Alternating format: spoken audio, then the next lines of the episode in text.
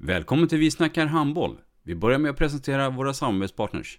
Gubben, är du vaken? Jag, jag tror att det är idag vi får veta.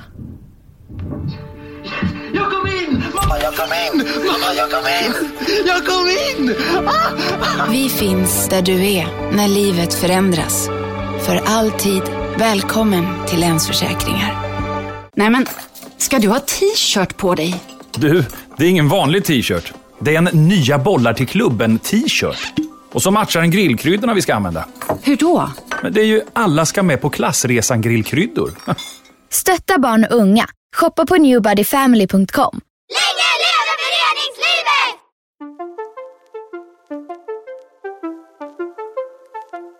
Välkommen säger vi till dig som lyssnar till den nya handbollspodden Vi snackar handboll med Robban Z och Matte.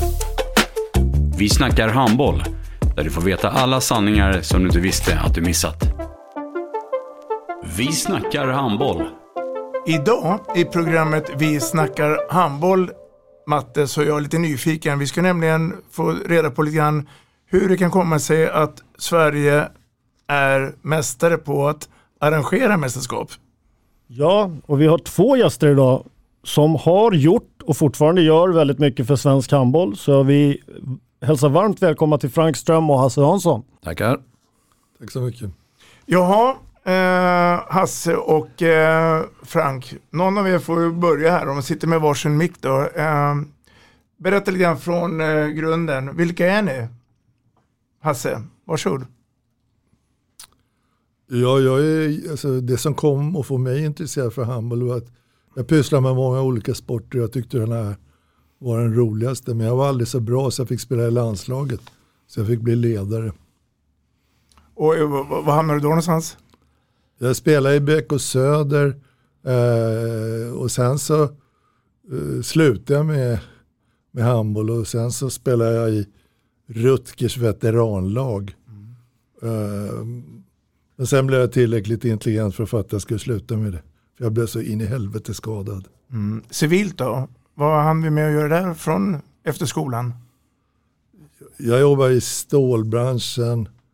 Eh, bland annat som marknadsdirektör i Borlänge i Svenskt Stål. Sen följde jag med stålet framåt och eh, hjälpte till att göra lastbilar.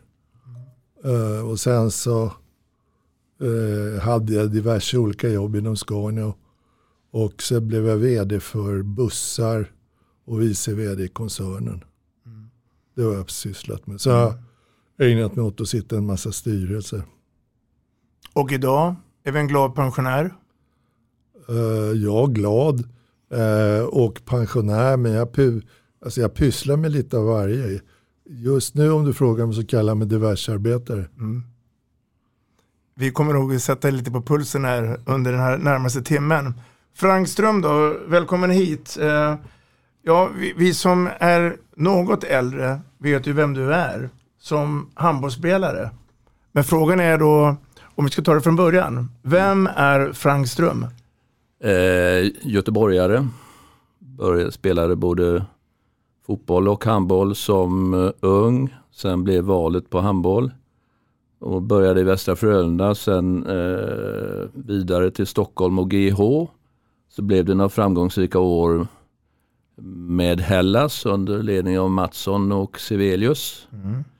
Och under den tiden då ganska frekvent eh, i, i landslaget. Vi pratar då eh, 70-tal. Eh, gjorde då under den tiden ett VM i Frankrike och eh, var även med i OS-laget 72.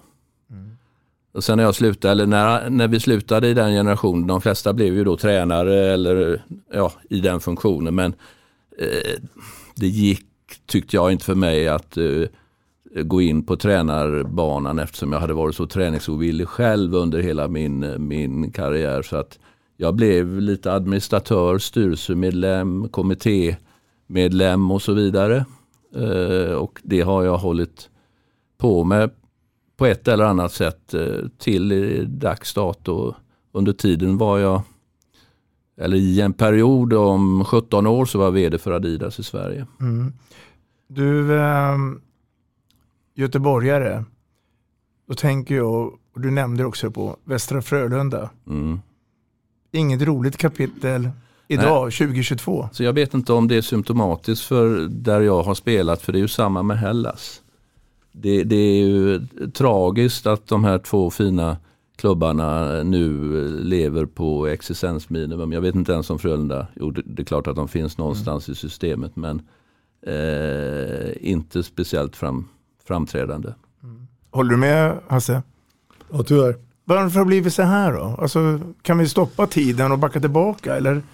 Jag tror i de två lagen som, eller de två föreningarna som jag pratar om, så i Frölunda-fallet så tror jag det var väldigt mycket att det var det, det byggde på bröderna Kristiansson som liksom eh, inte ägde klubben men de drev klubben och i och med att de gick ur tiden eller la av så, så blev det en vanlig klubb och eh, gnistan falnade och nu är man där man är. När det gäller Hellas så tror jag att eller det är ett resultat av att det fanns bara tio spelare, punkt slut. Det fanns ingenting under, det fanns, det fanns ett representationslag som i stort sett var landslaget då och eh, när den generationen försvann så, så orkade man inte och, och eh, liksom agera som en vanlig traditionell förening som har en, basverksamhet. Mm. Hasse, det, det, när Frank berättar det här och han pratar Hellas och han pratar Västra Frölunda så är det de två största städerna i Sverige. Så har vi Malmö också. Ehm, ser du någon koppling där att, att det är satans svårt att bedriva elitverksamhet i de stora städerna då kontra också förändringen idag? Ni kan svara på båda två men låt Hasse få svara först där då. Nej, jag tror inte det är eh, symptomatiskt för, för Göteborg och Stockholm att det skulle vara svårt att bedriva elitverksamhet. Men när man gör det så, så måste man veta vad man ger sig in på. Och det, är ju, det är ju som Frank säger om Hellas. Eh, alltså, varje företag måste ju ha en utvecklingsavdelning. På samma sätt måste ju en elitklubb också se till och, och ha juniorer som du kan släppa fram eh, och så att säga få kontinuitet. Eh, så driver man det här professionellt och tå, med ett visst tålamod så går det alldeles utmärkt att, och skapa elitlag både i Göteborg och Stockholm. Det är jag helt övertygad om. Vad, gör vi, vad känner ni, någonting som, som, som på, på mig, liksom, som får mig att fundera, det är det här med att om man tar våra nordiska länders, eh, ja, där, där fun, det funkar liksom, där är Köpenhamnshandbollen, den är liksom väldigt, väldigt stor inom dansk handboll. Oslohandbollen är enormt stor inom inom norsk eh, nationell handboll och i Helsingfors är det också väldigt, väldigt många bra klubbar, eller Helsingfors med omnejd som, som också är väldigt, väldigt drivande om man säger utifrån eh, hela landets utveckling av sport, våran sport. Men där känns det som att i Stockholm, där ligger vi, i och för sig Skuru är väldigt framgångsrika på damsidan, men där känns det som att det är inte samma hypadrag eh, i vår, inom våra nationella handboll som det är i våra eh, eh, grannländers. Vad tycker ni, säger ni om det? Jag tror att man har gjort försök här i Stockholm med lite sådana här quick fix. Man skulle döpa om eh, klubbarna till Hammarby och Djurgården och AIK. Då skulle man få del av deras publik. Men det funkar inte. Du måste ha ett bra handbollslag. Du måste driva handbollen professionellt. Sen tar det tid att bygga kultur. Eh, och det gör man inte genom att slå ihop två klubbar och så välja ett namn som har, så att säga, är välkänt. Du måste, ju ha, måste ha en bra produkt helt enkelt. Mm, mm. Ja, för det produceras ju väldigt mycket bra handbollsspelare i, i vår huvudstad, men eh, det är väldigt många av de som blir väldigt duktiga som lämnar och blir bra i andra städer i Sverige eller, eller i Europa i Norden. Ja. Mm. Frank, eh, handbollen sportsligt på din tid och idag, 2022, det har hänt lite grann utvecklingen. Uff, uff, uff, det har hänt förfärligt mycket. Det är, alltså, det är ju två olika sporter. Och de, de, det, vi var ju verkligen en amatörsport. Vi, vi vi hade två timmar i Eriksdalshallen som vi tränade. Det, gör ju ett eh, pojklag idag, tränar dubbelt så mycket som vi gjorde som svenska mästare i, i början av 70-talet. Så att eh, eh, ja, när man ser handbollen idag så, så eh, det är något helt annat. Jag menar, du kan bara gå till eh, eh, om tar VM 70 då vi, vi spelade i, i en tuff grupp. Då, då vann vi premiärmatchen mot Norge med 8-5 tror jag. Sen spelade vi en väldigt målrik match mot DDR, blev 11-11. Jag menar, det, det är en helt annan, eh, en absolut helt annan sport. Ja, det, det säger en hel del. Det säger en hel del. Håller du med Hasse? Ja. Var det bättre förr? Nej, det är klart, det, det, det, kan man, det är ingenting som var bättre förr eh, generellt. Men det, det jag tycker utvecklas, det är kantskytte. Eh, förr i tiden så behövde alla tre steg ordentligt med plats. Då, idag behöver de ett, kanske två steg. Så kommer de långt in och, och är skickliga på att göra mål. Mm. Målvakterna har blivit jävligt mycket bättre också. Skyttarna tycker inte jag är, jag blir så imponerad av nu. Det fanns det förr Det där också. sista vet jag inte om jag håller med om, med målvakterna. Oh. Generellt sett så finns det undantag givetvis. Ja. Eh, men men eh, när, när du går ner, eller ni, när ni går ner på golvet och pratar lite grann, då, eh, så känns det som att eh, ni pratar som att det vore Jesus? Att, att man pratar från ingenstans? Eller, eller känner man ändå att, att man är med i matchen på dagens moderna snack? Jo men i och med att eh, både jag och Hasse har- varit i och kring handbollen hela tiden så, så har man ju följt med i processen. Så att det är ju inte så att man har varit borta i 40 år och helt plötsligt kommer in och ser en, en handbollsmatch. Så att eh, nej, jag, jag tycker nog att man, man är med i matchen så, som du uttrycker Och det. Sverige är ju definitivt med i matchen, både på dam och herr. Det är vi ju helt överens om. Ja. För nu ska vi prata lite historia. Eh, VM 54 i Sverige. VM 93 i Sverige. Och VM 2011 i Sverige. Det är de tre mästerskapen vi har haft så här långt. Det tror jag du har glömt. Eller har jag missat någon? Ja, jag, hade vi inte ett som 67? Du har rätt. Det är helt rätt. Jag har min lilla fusklapp där. skönt. Det är bra det. Eh, 54 kanske vi inte var med på och eh, 67 Jag var faktiskt med eh, fram till eh, sista träningsläget. Då, då, då dumpades jag. Mm. Av Du blev- du Kurt Wadmark på den tiden. Du blev på svenska petad. Så är det. Ja.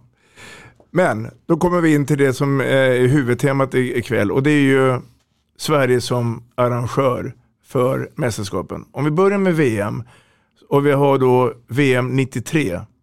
För det här som du nu Hasse ska få berätta lite grann hur den här resan gick till. Berätta från början det du vet och vill berätta. Ja, jag kan berätta precis allting. Anledningen att jag kom in i det här, det, det berodde ju på Frank kan man säga. För Frank hade eh, fått ansvaret för det här och det kan väl Frank själv berätta vad det var som gjorde att han hoppade av eh, 93. Mm. För det var väl så här också att Sverige arrangerade World Cup innan VM 93. Jag tänker på ansökan sen till mästerskapen 93. Ja, eh, vi ansökte, jag vet inte exakt när vi ansökte, jag tror det var 86 eller 87. För 88 på kongressen i Seoul, Mm. då fick Sverige eh, VM 93. Och vi var i konkurrens med Island. Och jag kommer så väl ihåg för att kongressen tog en, eh, en eh, kaffepaus på fem minuter för att vi och Island skulle kunna gå ut och komma överens.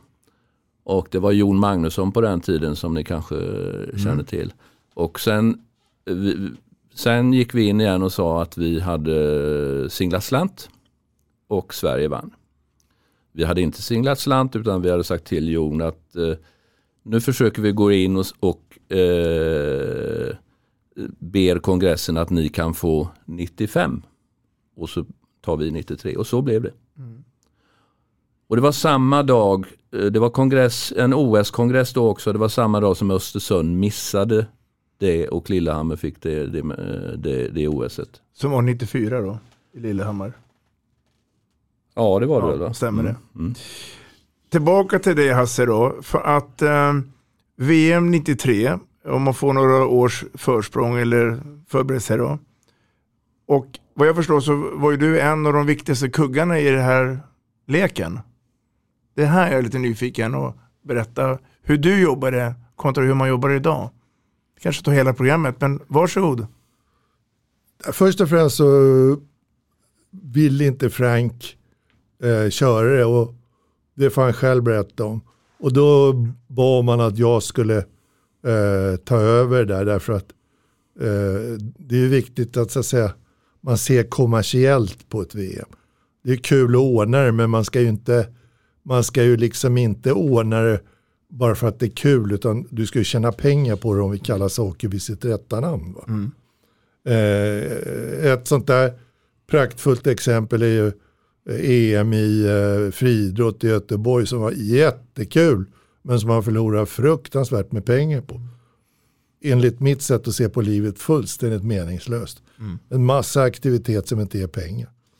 Så att när, när, när eh, jag tog över där eh, då bad jag Christer Thelin att han skulle bli vd för handbolls-VM och så var jag själv ordförande. Och sen så utsåg vi då olika personer som fick ansvarsuppgifter. Och eh, alltså våra möjligheter då eh, till att göra reklamintäkter eller tv, tv-intäkter var ju rätt begränsade. 93. Eh, I mars 92 startade TV4. Så i princip var ju Sveriges Television allsmäktiga. Och vi fick alltså inte ha reklam i golvet ens en gång. Utan de var med och hade synpunkter på hur vi placerade reklamskyltar. Och, så vi var rätt begränsade. Så här gällde det att hålla i kostnaderna. Så de jag utsåg eh, som skulle ha de här olika ansvarsområdena, de hade också ansvar för att det de hade ansvar skulle utföras och att man skulle hålla sig inom budgeten. Så att vi skulle göra ett överskott. Och sen så jobbade vi systematiskt med det här och träffades regelbundet och såg till att, att eh, det vi ville skulle hända hända. Sen måste man ju ha tur. Eh, och när man, när man arrangerar sånt här så måste man som hemmanaktion gå långt. Därför pengarna tjänar man på semifinaler och final. Eh, gruppspelsmatcherna, beroende på om man inte har turen att få med Norge och Danmark. Men det hade inte vi, de åkte ut eh, Tidigt. tidigt. Ja. Och, mm, eh, alltså det var ju ur svensk publik relativt många ointressanta lag. Det var ju förlustarrangemang. Men sen så gick ju då Sverige till semifinal i Globen. Eh, tyvärr förlorade vi mot eh, I semifinalen där. Ja, vi förlorade semifinalen. Mm. Jag kommer inte ihåg om vi förlorade mot eh, Frankrike eller Ryssland. Mm. Spelade match om tredje pris mot Schweiz som vi sen vann. Mm. Där har du hela vinsten. Mm. Det, andra, det andra var kostnader. Vi, vi kommer tillbaka till det, för det är lite andra förutsättningar idag. Det är Men- mycket annat. Ja, men kände du där att det var vind i seglet då? För att Sverige kom ju från Tjeckien 1990 som världsmästare. Ja. Att det var intresset. Och 89 så inviger man ju då Globen. Ja. Wow, vilken anläggning. Alltså, fick du eh, IOF med dig på de här eh, tågen? Och, och det här kommer bli ett häftigt mästerskap. tyckte vi. Och, alltså, jag vet inte om det har blivit bättre nu, men det var ju ständiga palavrar om hur man skulle fördela eh, de här pengarna som eh, IOF tog in. Hur mycket de skulle stoppa i fickorna hur mycket som skulle tillfalla oss som arrangör. Jag ansåg ju att vi tog ju alla risker. Eh, vi hade ju alla kostnader. Eh, och det enda man vet när man ordnar sånt här det är att kostnaderna de blir det de blir. Va? Det, det behöver du inte fundera över. Utan eh, det som måste ske det är att, att intäkterna blir lite bättre än vad du hoppas om det här ska gå ihop. På den tiden fick man statliga bi- bidrag eller bidrag från IOF? Eller var det mm, på egen risk? Det var på egen risk. Ja. Mm. Ehm, Men som sagt, vi hade tur med att Sverige gick långt och, och eh, Globen var en häftig arena. Eh, sen så, det som hände sen med Sverige, det var ju fantastiskt. Va? Därför att det var ju då eh, Bengan Boys blev folkkära. Beroende på att man eh, hade deltagit i tre olympiska spel och gått till final. Och, och, eh, jag, ska, jag ska inte säga att det är lä- allting är mycket lättare nu, men det är klart, det underlättar Mm. om du, så att säga, svenska folket kan namnet på spelare och, och så vidare och att de går långt. Så, nästa gång när jag hade ansvar för EM när vi vann, då, då, då, var det ju, då kände man ju fler TV eller tv-bolag att sälja till mera kända eh, svenskar och folkkära. Det, det är viktigt. Mm. Frank, när du hör eh, Hasse berätta här och historien där? vad, vad, vad tänker du? Nej men alltså, jag håller ju med, med Hasse. Det, det, eh, och så ser det ju ut idag också. Jag menar, du behöver, behöver bara läsa avtalen mellan oss och IOF gällande kommande VM. Eh, internationella förbundet tar inga risker överhuvudtaget. De tar in de säkra inkomstkällorna och de, de eh, har skrivningar i avtalen som gör att vi alltid är förlorare. Så att eh, i det avseendet har det, har det inte förändrats någonting utan där är den ekonomiska balansen precis på samma sätt. Sen får vi ju en slant nu, jag kommer inte ihåg hur det var eh, 93 men eh, vi får ju en slant men den, den räcker ju inte speciellt långt. Men arrangörsmässigt Hasse, så var ju VM 93 en succé. Ja, klart det var det. Ja. Eh, märkte du också då att media hängde på sen dagen efter och dagen efter igen och att det blev en wow. Ja. Ja. Vi alla var ju nöjda. Så det, Ja. Det var ju eh, kassören som kanske var mindre nöjd. Nej, alltså vi gjorde en bra, ett bra, jävligt bra överskott Ja. utifrån Från så säga- förutsättningarna. Ja, de förutsättningarna. Eh, idag kan man tjäna mer pengar men som sagt det är andra förutsättningar med reklam och allt sånt där. Och jag brukar säga så här att idag så eh, ska man vara jävligt stolt när de kommersiella kanalerna vill köpa handboll. För det är ju ett tecken på att de gör bedömningen att handboll är en intressant sport. Va? Eh, och Sveriges Television då, som inte har så mycket pengar, de får ju köra mycket konstiga sporter. Men det ska ju skidskytte till exempel vara jätteglada för.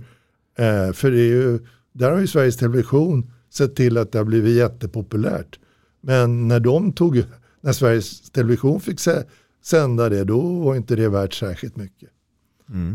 Så många, många sporter har, har ju kunnat växt därför att Sveriges Television har förbarmat sig. Sen var en sak till och det är att idag har vi ju ett damlandslag som också går att sälja. När jag höll på så kan jag väl säga, inget ont om damerna men det var svårsålt. Jag har förstått det. Vi kommer komma in i det. Eh, Matte, VM 93. Var du på plats i, i Globen? Eh, ja, jag var på plats både på semifinalen och var jättebesviken. Men jag var där ändå på finaldagen för att man, Sverige skulle ju spela då också fast bronsmatchen. Och eh, jag såg när de mötte Schweiz där med Baumgartner i, eh, i motståndarlaget. Så att, eh, jag var där. Hasse, Hasse efter VM 93, eh, vad händer man då? Gör man någon form av utvärdering? Eh, man pratar ihop sig med, inom Svenska Handbollförbundet, fick kanske lite blodad tand. Ska vi göra ett nytt försök? Ja. Hur, hur gick snacket? Ja, det, alltså, det är klart att i och med att det blev bra och vi fick ett överskott så ökade ju intresset för att skapa, eller skaffa sig eh, fler evenemang. Mm. Och det tror jag, alltså, jag tycker att vi i Sverige generellt sett är duktiga på att ordna evenemang. Jag tycker att vi skulle lägga ner orealistiska tankar om att ta hit ett OS. Jag, jag har ju varit överledare med handbollslandslaget på tre OS. Mm. Eh, Så man ska ha respekt för hur stort det är och att Sverige trots allt bara har 10 miljoner invånare. Men däremot kan vi ju eh, arrangera VM i handboll och fotboll och ishockey och alla möjliga andra sporter. Det kan vi göra jättebra. Mm. Det dröjer sen, Frank, tills att Sverige får ett nytt mästerskap 2011. Då tänker du på VM bara? VM ja. Mellan 93 och 2011 sökte Sverige då, men inte lyckades få mästerskapen. Eh, Mig veterligen så var vi då eh, koncentrerade på Europamästerskap som vi då hade 2002 för herrar och 2006 för, för damer. Vi sökte inte VM däremellan utan vi sökte då först till 2011. Mm. Och då hände det lite er också, rent organisatoriskt eh, i förbundet. Ja, det var ju då på den tiden som Hans Westberg var ordförande i, i förbundet och eh, då det som Hasse sa tidigare, eh, Hans var ju väldigt fokuserad vid det som friidrotten hade råkat ut för i Göteborg Mm. när förbundet höll på att- gå omkull. Så att eh, hans enda krav egentligen det var att, att eh, mästerskapet skulle drivas i bolagsform. Du var bergsäker på att det var den rätta melodin. Ja, det var inte den, inte den här Hans, Nej. Hans Westberg. Men jag, Ja, ja. jag delar ju den uppfattningen. Och jag, jag är jätteglad över att handbollen har organiserat sig som man har gjort. Att man driver eh, landslagen och eh, evenemangen i ett särskilt bolag. Därför eh, det är två saker för mig. Det är en kommersiell historia och den måste drivas strikt kommersiellt, strikt företagsmässigt. Breddhandbollen det är någonting annat. Va? Och det, det har- sina grepp och det ska inte drivas så att säga, på samma sätt. Eh, för då, då blir det pannkaka. Innan vi går vidare, jag tror att det är en hälsning på gång här. Låt höra här. Här kommer en hälsning från Claes Hellgren till Frank Ström. En av mina förebilder tillsammans med Lasse Karlsson så var Frank Ström en fantastiskt bra handbollsmålvakt. Men vad de flesta inte vet är att han också var en allra högsta klassen fotbollsmålvakt. Han var dessutom friidrottare och han blev efter sin karriär en mycket, mycket framgångsrik företagsledare. Så för många av dem som ser honom runt om våra handbollsarrangemang så borde de bara bocka och buga. För det här är en av mina idoler eh, när jag började spela handboll. Och jag fick förmånen någon gång att få träna och spela med honom också. Så eh, hoppas allt är bra Frank och kör hårt. Vad tänker du när du hör de här orden? Nej, men det är ju fina ord, trevligt. Det kommer ju från en eh, eh, initierad eh, handbollare i alla avseenden. Så att det är, eh, och Claes är ju mästare på att berömma. Mm. Han berömmer ju hellre än att klankar. Absolut, håller helt med. Nu mina herrar, så får ni slåss om orden. För nu är det intressant. Nu går vi in i ett nytt skede. Och eh, det dröjer några år, men vi är framme till 2011. Men innan då, 2011, så är det massa förberedelser förmodligen, ansökningar. Här är jag och Matte väldigt nyfikna hur, sånt där, hur det går till. Ska jag börja Hans? Eh, tänker på när vi fick 2011. Ja, och a- hur man tänker när man ansöker och hela den här proceduren. För nu är det, ligger det en massa jobb bakom kulisserna, misstänker jag. Alltså det är ju en jättelång process. Den är ännu längre idag än vad den var för inför 2011. Eh, man börjar ju med att man eh, producerar en så kallad bid, alltså en bidansökan som man lämnar in till, till det internationella förbundet. Och, eh, eh Det gör man ofta tre, fyra år innan. Kan ju säga parentetiskt att det VM som vi ska arrangera nästa år, den bidden lämnade vi in, eller jobbade vi med 2013, 2014. Så det är liksom tio år vi pratar om. Mm. Sen när det gäller VM, VM och EM, när det gäller att få ett mästerskap är två olika saker. När det, när det gäller VM så är det Council, eller exekutiven, det är alltså en 15-16 människor som, som uh, har varsin röst. När det är europeiska mästerskap så har varje europeisk lag en röst. Så att eh, vår fördel, och när man då jobbar för att man ska få det här mästerskapet, det är ju att vi, vi har eh, en Stefan Albrektsson som, som hela handbollsvärlden känner. Framförallt känner han de kontinenters representanter som ingen annan känner men som ändå sitter på en röst i Council. Så att eh, den, det arbetet är mycket fokuserat på att man jobbar mot vissa nyckelpersoner och sen, sen eh, gör man i slutändan en presentation inför exekutiven som vi gjorde då 28 eller något sånt där i Herzogenaurach. Mm. Eh, inför, eh, och då var det vi, det var Danmark och det var Ungern som presenterade sitt mästerskap. Och eh, då fick vi det och eh, väldigt oväntat för, för de flesta utom för oss själva. För vi hade sån vi hade sånt gott grepp på asiatiska, afrikanska representanter som, som de andra inte kände. Men Abbe kände dem. Mm. Så att, eh, Och, och själva konceptet annars då med arenor, det, känner du, det var ni lika med de andra konkurrerande länderna? Eller hade Sverige någon fördel där? vi, ja, vi har ju hockeyn att tacka för mycket. Vi har ju hockeyn att tacka för mycket för att de byggde ju arenorna som sen vi profiterade på. Det, det, det är ju de som vi fortfarande bygger vår basverksamhet på när det gäller ansökningar till mästerskap. Eh, Och det hade ju inte, Danmark, eh, de har ju en hockeyarena i Köpenhamn nu, men den invigdes 2017 tror jag. Så att det är ju liksom, och Ungern tror jag inte hade de arenorna heller i, i, det läget. Eh, Så att vi, vi byggde mycket på, på eh, att vi hade stora arenor. Ja. Och ett enormt kontaktnät. Internationellt ja. Mm. Stor skillnad 93 då Hasse? Jag har aldrig, jag har aldrig deltagit i det här internationella arbetet. Alltså, jag har inte tålamod till det utan eh, jag, jag, jag förvaltar sen när, när Abbe bland annat eller Elofsson som har bra kontakter Mm. har skaffat det.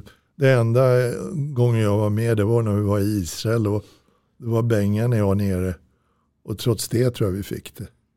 Eh, det var när vi fick eh, eh, EM. EM ja. Nej. det är, för mig är det, hur ska jag säga, eh, det är en miljö som inte jag är sådär förtjust i. Nej. Och det är ett sätt att jobba som jag inte heller är så förtjust i. Eh, mycket tjänster och gentjänster och sånt där. Va? Utan eh, om de som tar hem det har tagit hem det så, så tar jag gärna itu med det när vi har det. Va? Eh, En fråga utifrån det här med eh, risktagandet som sker hela tiden på arrangörslandet. Är det, är det någonting som på något sätt gynnar Sverige? För att hade det varit fler kandidater som hade sökt om det inte hade funnits den, där, den aspekten i själva ansökningsprocessen. Du förstår jag med? Sverige har ändå en ganska bra fördel eftersom vi har, ganska, vi har ju närheten till att i gruppspel kunna förlägga till exempel Norge nära norska gränsen och Danmark nere i Skåne och, och Tyskland också liksom kan man också placera som hyfsat nära och sådär. Men eh, finns det någon, någon aspekt som kan göra att just det här lilla risktagandet som internationella handbollsförbundet lägger på arrangörslandet, att det gynnar Sverige i att kunna söka VM och EM oftare? Man ska väl säga där att man får inte glömma bort de, de världsstäder som vi har jobbat med framförallt de sista, eh, ja, från 2011 och framåt. För att de har varit otroligt eh, generösa med garantier och med, med, med bidrag som har gjort att, att eh, man har helt enkelt vågat söka. Och det är därför man kan ju tycka med facit i hand att vi, att vi eh, lite enahanda återkommer till samma städer när det gäller mästerskapen.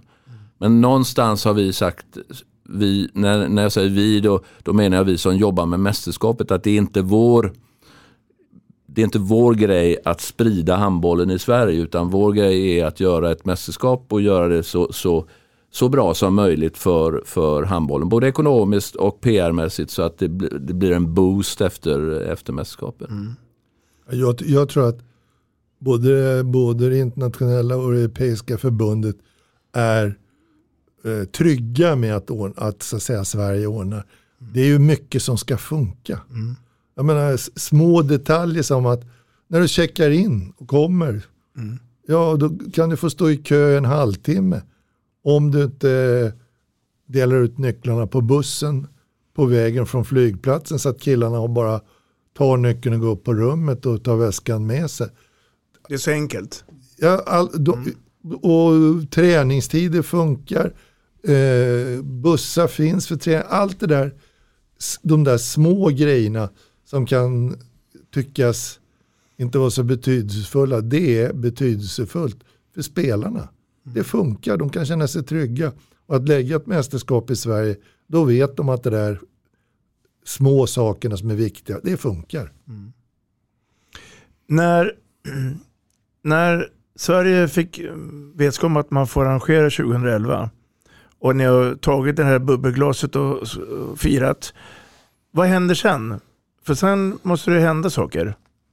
Fram till första signalen. Ja, alltså man, man, man får ju bygga upp en organisation för det första. Mm. En central organisation och lokala organisationer. Och då, då ska ju eh, då är det ju eh, ett stort antal avtal som ska på kort, relativt kort tid komma i hamn och så vidare. Så att det, det är ju massa fotarbete som kommer igång i och med att man får mästerskapet. Så att, eh, nu har vi ju på senare tid har vi ju aldrig hunnit att avveckla organisationen utan det har ju liksom, vi har ju gått från det ena mästerskapet till det andra mm. och det kommer vi ju göra nu ja, inte, inte jag kanske, men svensk handboll kommer göra det fram till 28. För mm. det är ju så långt fram vi har mästerskap. Mm. Nu, Hasse och Frank, nu pratar ni också avtal. Vi kommer in på tv-avtal 2011 kontra 1993. Viss skillnad? Oj, oj. Låt mig höra. Alltså vi vet ju inte allt där eftersom eh, de avtalen är ju mellan eh, internationella förbundet och eh, tv-rättsinnehavaren. Men att det är eh, nu i alla fall miljardbelopp. Mm. Det är helt klart. Så att det, det är det bara positivt eller är de också jobbiga att ha att göra med? De ska bestämma sändningstider, hur matcherna ska ligga eh, ja, och så vidare. Jag måste säga att, att eh, med tv-rättsinnehavarna så, så de, de, är förnuftiga, pragmatiska människor. så att det, det och de diskuterar med arrangören om, om, eh, om avkasttider och sånt där. Så att eh, de vet att för att det här ska bli bra så måste vi, vi vara kompisar. Mm. Men å andra sidan lägger du ut en, ett miljardbelopp då vill du faktiskt ha något för pengarna. Mm. Absolut. Så att det är mm. klart att det är ju inga korgossar som Nej. kommer. Utan, eh, men det är klart att samarbete är, är alltid bättre än att så att säga, man kom, har konfrontationer. Mm. Ur deras synpunkt också. Mm. Och, och det här snacket då, eh, Greta som sitter i, någonstans i Dalarna och inte får in tv-matchen för att de har inte den kanalen. Uh, vad säger ni om det? Är, är det fortfarande så idag? Jag, jag, 93 kanske det var det, jag vet ja. inte. Men, men, 93 eh, var det inte det, för då fanns det bara en kanal ja. nämligen. Ja, men du, du, har nog rätt där. Eh, grund, gr, alltså grunden TV6, om, om vi nu får ta det, de, där, där har ju alla. Ja. Eh, men sen kommer de här sidomatcherna, eller man inte har det. Men, men det är väl samma sak där också. Det, det, är, väl, det är väl en del av utvecklingen också. Alltså att eh, man gäller att hänga med. Eh, och kanske inte lyssna på dem som bara gnäller. Ja, men det är väl så att, att basutbudet för en svensk tittare, det kan alla se. Men sen nördarna som då vill se resten också, de kanske får köpa till eh, n- någon, någon, eh, något paket. Det tror jag också. Summan av kardemumman 2011 blev ju en, en, en bra affär. Ja. Tänk om du och jag, Hasse och Matt skulle kunna ha det som våran, våran livspeng. För det blev ju många miljoner överskott. De pengarna har ju också Svenska Handbollförbundet och, och Handbollslandslaget AB. För jag tänkte vi skulle prata lite om det också då. Men hur, hur förvaltar man dem? Ja, det, det, det är egentligen andra människor som ska sitta här och svara på det. Jag inbillar mig att man, man fonderar på olika sätt. Man, man, eh, man har en möjlighet att, att eh, dela ut pengar till distrikten och så vidare. Och så vidare. Men i detalj hur de, hur de hanteras, det, det vet inte jag. De ska rulla vidare. Det finns alltid hål att stoppa i dem. Ja, det ska ju gå tillbaka till sporten på ett eller annat sätt. Det Fast det behöver inte göra det på en gång. Utan Nej. kan ju vara bra att ha lite för dåliga dagar också. Sportsligt så har vi 93 var ett bra mästerskap. 2011, vad, vad säger Frank? Ja, det var ju samma där. Vi spelade ju semifinal Ja. och eh, skillnaden är att vi även förlorade matchen om tredje pris i eh, 2011. Mm. Men det var ju eh, återigen, eh, eh, ekonomin låg ju i att eh, Sverige gick så bra fram till, eh, ja, både i första gruppen och i main round. Mm. Och man ska veta att eh, då så biljettintäkterna 50% kom eh, från 14 dagar innan VM började och tills det var slut. Så att det, var, det, var, det var ju rätt skakigt eh, när Sverige spelade. Man, man, eh, det var tvunget att man eh, gjorde det bra så att man, man drog publik även när man flyttade ner till Malmö. Mm. Och det gjorde man ju. Mm. Och då blev det bra. Mm. Jag har du lite grann det du var inne på Matte, att Sverige är en närheten och man kan lägga med grannländerna. Mina herrar, nu händer det någonting för att eh, 2019 VM, då är det helt plötsligt två nationer som arrangerar ett mästerskap. Hur kan det börja komma sig? Eh, ja, det, det är ju inte så märkvärdigt att det är det. Det som är, är lite underligt är att just Tyskland är inblandade eftersom Tyskland är kanske är den enda nationen i Europa som, som i dagsläget med så många lag har hallar för att ensamt ha ett, ett mästerskap. Men i, i övrigt så är det ju så. Det är ett resultat av att det blir fler lag. Mm. Eh, det blir fler grupper. Eh, det krävs, det är ju minimikrav på hallarna. Mm. Oavsett vilka lag som spelar så är det minimikrav. Och det är, Sverige har ju den fördelen att vi, som du sa, vi har ju ofta två hemmanationer eftersom vi har både Sverige och Danmark. Mm. Och där gör man bra affärer. Men de andra två eller fy- fyra grupperna är ju, hur bra det än gör så är det ju förlustaffärer. Och då är det ju bättre som förra gången när vi, när vi hade mästerskapet delade med Österrike och, eh, och Norge. Då är det ju bättre att Österrike spelar i Wiener Stadthalle för 10 000. Hade vi haft dem i Kristianstad hade vi haft 1000 personer. Mm. Så att det, det är liksom, eh, det är mycket ekonomi i det och eh, Och, och, och varje land som delar på mästerskapet be- bestämmer om var matcherna ska spelas någonstans? Eller eh, tipsar du Österrikarna, men spelar ni i Wien? Det Nej, varje land går ju in i sin ansökan med att vi tänker att spela på de här, med de här arenorna. Mm. Mm. Mm.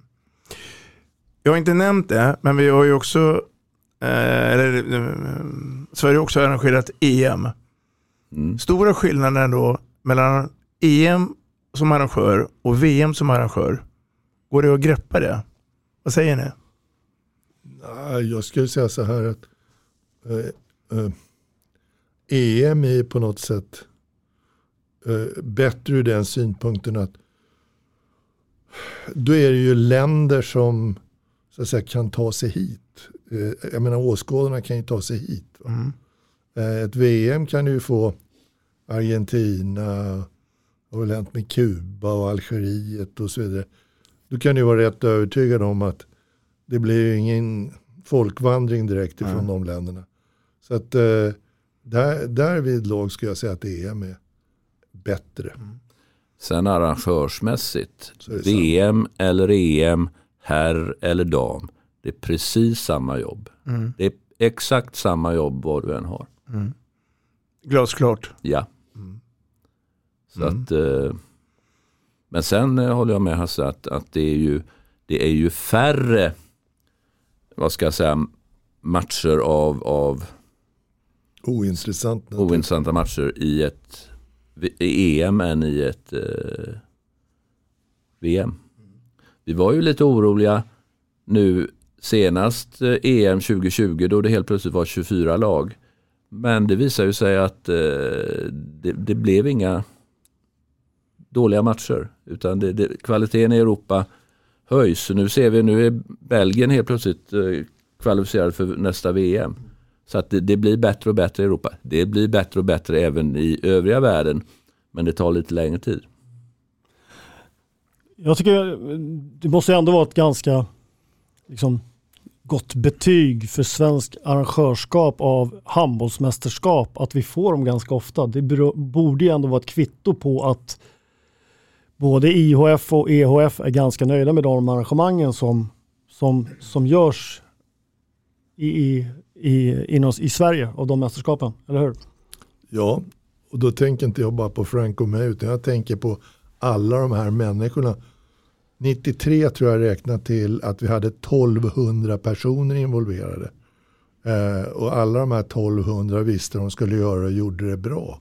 Så att det är ju otroligt viktigt att, så att säga alla, även de som bara ska torka golven, också vet vad de ska göra. De ska köra bussar och allt det där, det funkar. Så får du öva dig lite som vi har fått göra i Sverige, då blir det bra. Mm. Och jag vågar säga att jag har ju varit på några både EM och VM. Eh, och jag har all, alltså, det låter kanske skrytsamt men jag har aldrig varit på någon som har fixat det här bättre än vad vi har gjort. Det är ju det man kan säga lite grann självbevarelsedrift. De, de som jobbar inom de internationella förbunden. På något sätt så känner man att de känner att nu får vi en eh, behaglig resa de här två och en halv veckan. Eh, Kontra om man spelar eller arrangerar i ett annat land där, där de inte känner den tryggheten. Som jag upplever att de gör. Och dessutom görs det ju undersökningar Eh, bland eh, deltagande nationer, bland media och så vidare. Hur man har upplevt det här och, och vi, vi får eh, för det mesta väldigt bra vitsord. Nu är vi mitt uppe i ett nytt arrangörskap som till ett mästerskap ska gå nästa år. Vad är era önskemål av det ja, av, om det mästerskapet som kommer nu i Sverige 2023 eh, förutom att Sverige ska gå till final Steget?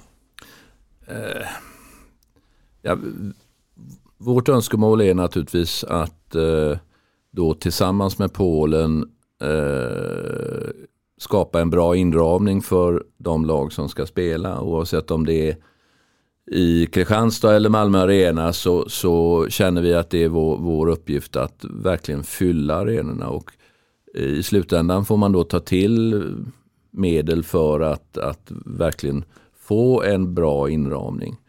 Och, eh, men sen hade vi en, en, en målsättning, vi pratade om det tidigare, att biljettförsäljningen har ju traditionellt sett kommit så sent. Så att eh, en av de, de målen som vi satte upp nu det var att vi ska försöka att tidigare lägga eh, beslutet att jag ska köpa mina biljetter. Och dessutom var vi otroligt nervösa. Vi visste ju inte vad pandemin hade gjort med folk. Om, om man, eh, det fanns två, två vägar. Antingen är man livrädd för att gå på mästerskap eller också är man så sugen att man liksom hänger på låset. Och i det här fallet om, eh, så, så kan vi ju konstatera att det var det, det var det senare. Man var otroligt sugen på att, eh, på att eh, köpa sin, säkerställa sin, sin plats i arenorna. Så att det vi har sålt nu, vi ligger hästlängder före tidigare mästerskap. Sen, sen, är det så här med all kommersiell verksamhet. Målet för om man har lyckats det är om man har tjänat mycket pengar. Det är ingenting att sticka under stol med. Det, det är ju det det går ut på. Alltså man gör ju det här för att tillföra handbollen mycket medel. Ju rikare handbollen är, ju större alternativ har man. Ju mer kan man satsa på ungdomar, ju mer kan man satsa på, på utveckling och så vidare. Så att det, slutet på resan ska alltid vara att man tjänar optimalt med pengar. Mm. Allting Håll ner kostnaderna och öka intäkterna. Livet är faktiskt ja. inte svårare än så. Nej, det är rätt. Jag håller med. Det är kanske ett av de bästa som har sagts under den här stunden. Eh, Putin, kan han vålla bekymmer? Alltså jag tänker på det eländes elände just nu mellan Ukraina och Ryssland. Kan han skapa någon oro i det här mästerskapet som kommer tror ni? Alltså nu, nu är jag ju ingen expert på, på den typen av, av Vi kan spekulera. aktiviteter men, men eh, någonstans har jag försökt intala mig själv att, det, att vi inte kommer att påverkas av det. Någonstans måste eh, vett och sans och balans eh, träda in. och eh, eh, Än har vi ju inte märkt något men det är klart att det, det, det är ju, det är ju eh, trist att behöva ha det. Och vi pratar mycket med våra polska vänner om det för de, är ju, de står ju med två, två miljoner eh, flyktingar. Eh, men även de säger att eh, det påverkar inte oss. Vårt, vårt arrangörsliv går vidare och vi ser inte, vi börjar inte tänka i termer att vi, vad gör vi om och vad gör vi om och så vidare utan vi, vi, vi går på. Mm. Man pratar mycket hållbarhet. Mm. Jag vet att det var eh, mycket när, när det var mästerskap här senast också med, eh, med damerna. Är, är det några nya grepp som, som du Frank eller alltså kan berätta och avslöja inför 2023 mästerskap? Alltså vi jobbar mycket med hållbarhet, det, det, är korrekt. Och vi har ju dessutom då eh, en man i den centrala organisationen som enbart eh, är ansvarig för det det, det, här är absolut inte mitt gebit men, men eh, eh i det mesta vi gör så har vi ett hållbarhetstänk. Och jag ber mig inte gå in på detaljerna Nej. för att då, då men, men, du har rätt, det är mm. mycket mm. hållbarhetsresonemang. Och den är vi, ganska viktig. Den, den är, viktig. viktig. Vi, vi, lägger pengar på det och, och så vidare. Så att, mm. Eh, och, och det vi det som vi gjorde 2020 till exempel med Tetra Pak, med, med, vi, vi tog bort alla plastflaskor och eh, har, hade Tetra Paks eh, nya förpackningar som, som, som hållbarhetsmässigt var, var och så har vi handboll och lilla VM, lilla EM och allt sånt där som, som har tillfört sporten otroligt många unga nya spelare. Mm. Hasse, 2023, då är det mästerskap. Då är det 30 år sedan som du var med och arrangerade. Mm. Du har koll på det? Ja. Vad, vad ser du fram emot mästerskapet 2023? Ja, alltså jag hoppas ju bara att Sverige vinner och att det blir pengar över. Då är jag nöjd. Mm. Mm. Och apropå pengar och Sverige vinner så är det ju så, vi var inne på det eh, tidigare, svensk damlandslag har ju kommit ikapp den största, eller den yttersta eliten. Fantastiskt bra. Är vi nära ett stort mästerskapsguld inom några år tror ni? Vad säger hjärta och hjärna? Eller är det det klassiska, ja. små marginaler, tuff konkurrens? Ah, det, där är sådana klyschor. Jag, jag, jag tror att eh, Sveriges damlandslag mycket väl kan vinna EM eller VM. Mm. Eh, så bra är de. Mm. Vi är ju och nosar på det. Mm, det är rätt. När, när, alltså, jag vet inte om man törs säga det här, men när, när eh, vi höll på då 93 och skulle skaffa sponsorer eh, så fanns det någon som sponsor. Vi sa om du får med damlaget, ah, det vill jag helst slippa. Mm. För det, är- det är liksom jobbigt för en sponsor att, att så att säga vara med på olika. Så, och de gjorde bedömningen att herrlandslaget var ju otroligt intressant kommersiellt. Men damlaget var inte så känt och inte så framgångsrikt då. Nu, nu har ju handboll haft en jättetur. Att ha två lag, både damer och herrar. Så eh, det är ju ytterligare en möjlighet att, så att säga, tjäna pengar. Och varför skulle, ja, varför skulle svenska damlandslaget inte kunna bli världsmästare eller Europamästare? Det förstår jag inte. Jag håller med dig. Jag tror också att det, eh, vi pratar nutid. Eh, vi får se om vi kan samlas här en, och ha ett eh, guld på damerna. Sista grejen då, Frank, det är ju, du nämnde fram till 2028 Mm. så händer det mycket med mästerskap. Ska vi dra de aktuella mästerskapen som en avslutning i programmet? Ja, och då är det ju nästa år då vi i januari tillsammans med Polen eh, har herrmästerskapet. Och där har vi då merparten eftersom vi har finalhelgen och eh, där vi denna gången då kommer tillbaks till Tele2 Arena men vi ökar kapaciteten från 18 till 22 000. Och så har vi damernas VM i december tillsammans med Norge och Danmark. Och då har vi, eh, då har vi Sveriges grupp, Sveriges main round och Sveriges eventuella kvartsfinal. Allt i Göteborg och så har vi en grupp i Helsingborg. Vi är alltså en mindre aktör i, i eh, det mästerskapet. Men ändå tror vi att det är en bra affär eftersom damerna är där de är idag. Skandinavien, det är stort eh, intresse även för damhandboll. Sen har vi ju då återigen tillsammans med Danmark och Norge fått eh, herrarnas EM 2026. Där vi då håller till i Skåneland, eh, Malmö Arena och Kristianstad. Och så har vi fått damernas EM 28. Då är vi återigen i Göteborg och Helsingborg. Så att vi har, som jag sa tidigare, vi behöver inte avveckla någon, några organisationer utan det är bara att gå vidare. Mm, mm. Och apropå gå vidare, gå tillbaka till, till dig Hasse och till Frank. Svenska handbollsfans har ju och betyder förmodligen fruktansvärt mycket nu. Jag tänker på det som händer på läktarna och det. Där har det hänt också en del i utvecklingen. Att vi fått en sån organisation. Absolut, de, de är jätteduktiga och jag ser ju, jag följer det dagligen eftersom de är en av våra största biljettköpare så att eh, de, de är betydelsefulla. Och grejen med dem det är ju att de inte bara är eh, vid mästerskapen utan de är ju eh, även vid ordinarie landskamper. De följer svenska laget när de spelar mästerskap i utlandet så att eh, det, det är bra. De gör det jättebra. Mina herrar, tiden har kommit ikapp oss. Ehm, Det har varit en stor ära att ha Hasse Hansson och Frank Ström här. Tack så hemskt mycket för att ni har varit med på Vi snackar handboll. Tack.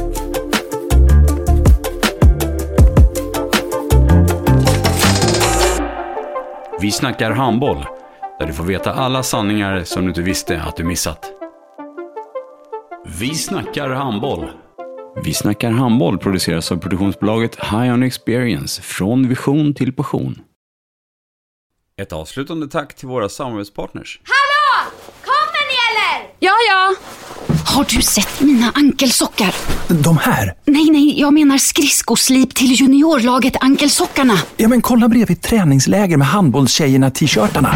Stötta barn och unga. Shoppa på newbodyfamily.com. Föreningslivet! Gubben, är du vaken? Jag, jag tror att det är idag vi får veta. Jag kom in! Mamma, jag kom in! Mamma, jag kom in! Jag kom in! Ah! Vi finns där du är när livet förändras. För alltid välkommen till Länsförsäkringar.